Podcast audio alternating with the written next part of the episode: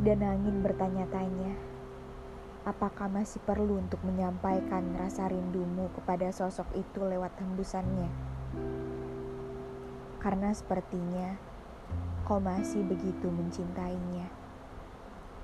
Namun kau juga seperti semakin tak menginginkannya. Katakan pada angin, aku masih begitu rindu, bahkan setiap hari semakin menggebu. Tapi aku telah memahami, rindu tak selalu perlu disampaikan, apalagi dibalas. Rindu hanya perlu dirasakan sebagai sebuah keinginan bertemu yang sakral. Bahwa dari tujuh miliar jiwa yang ada, dengan unik dan ajaibnya, hatiku hanya memilih satu jiwa untuk terus-menerus dipikirkan. Dan lebih ajaibnya lagi, yang terus-menerus aku pikirkan, tak sedikit pun aku muncul dalam pikirannya.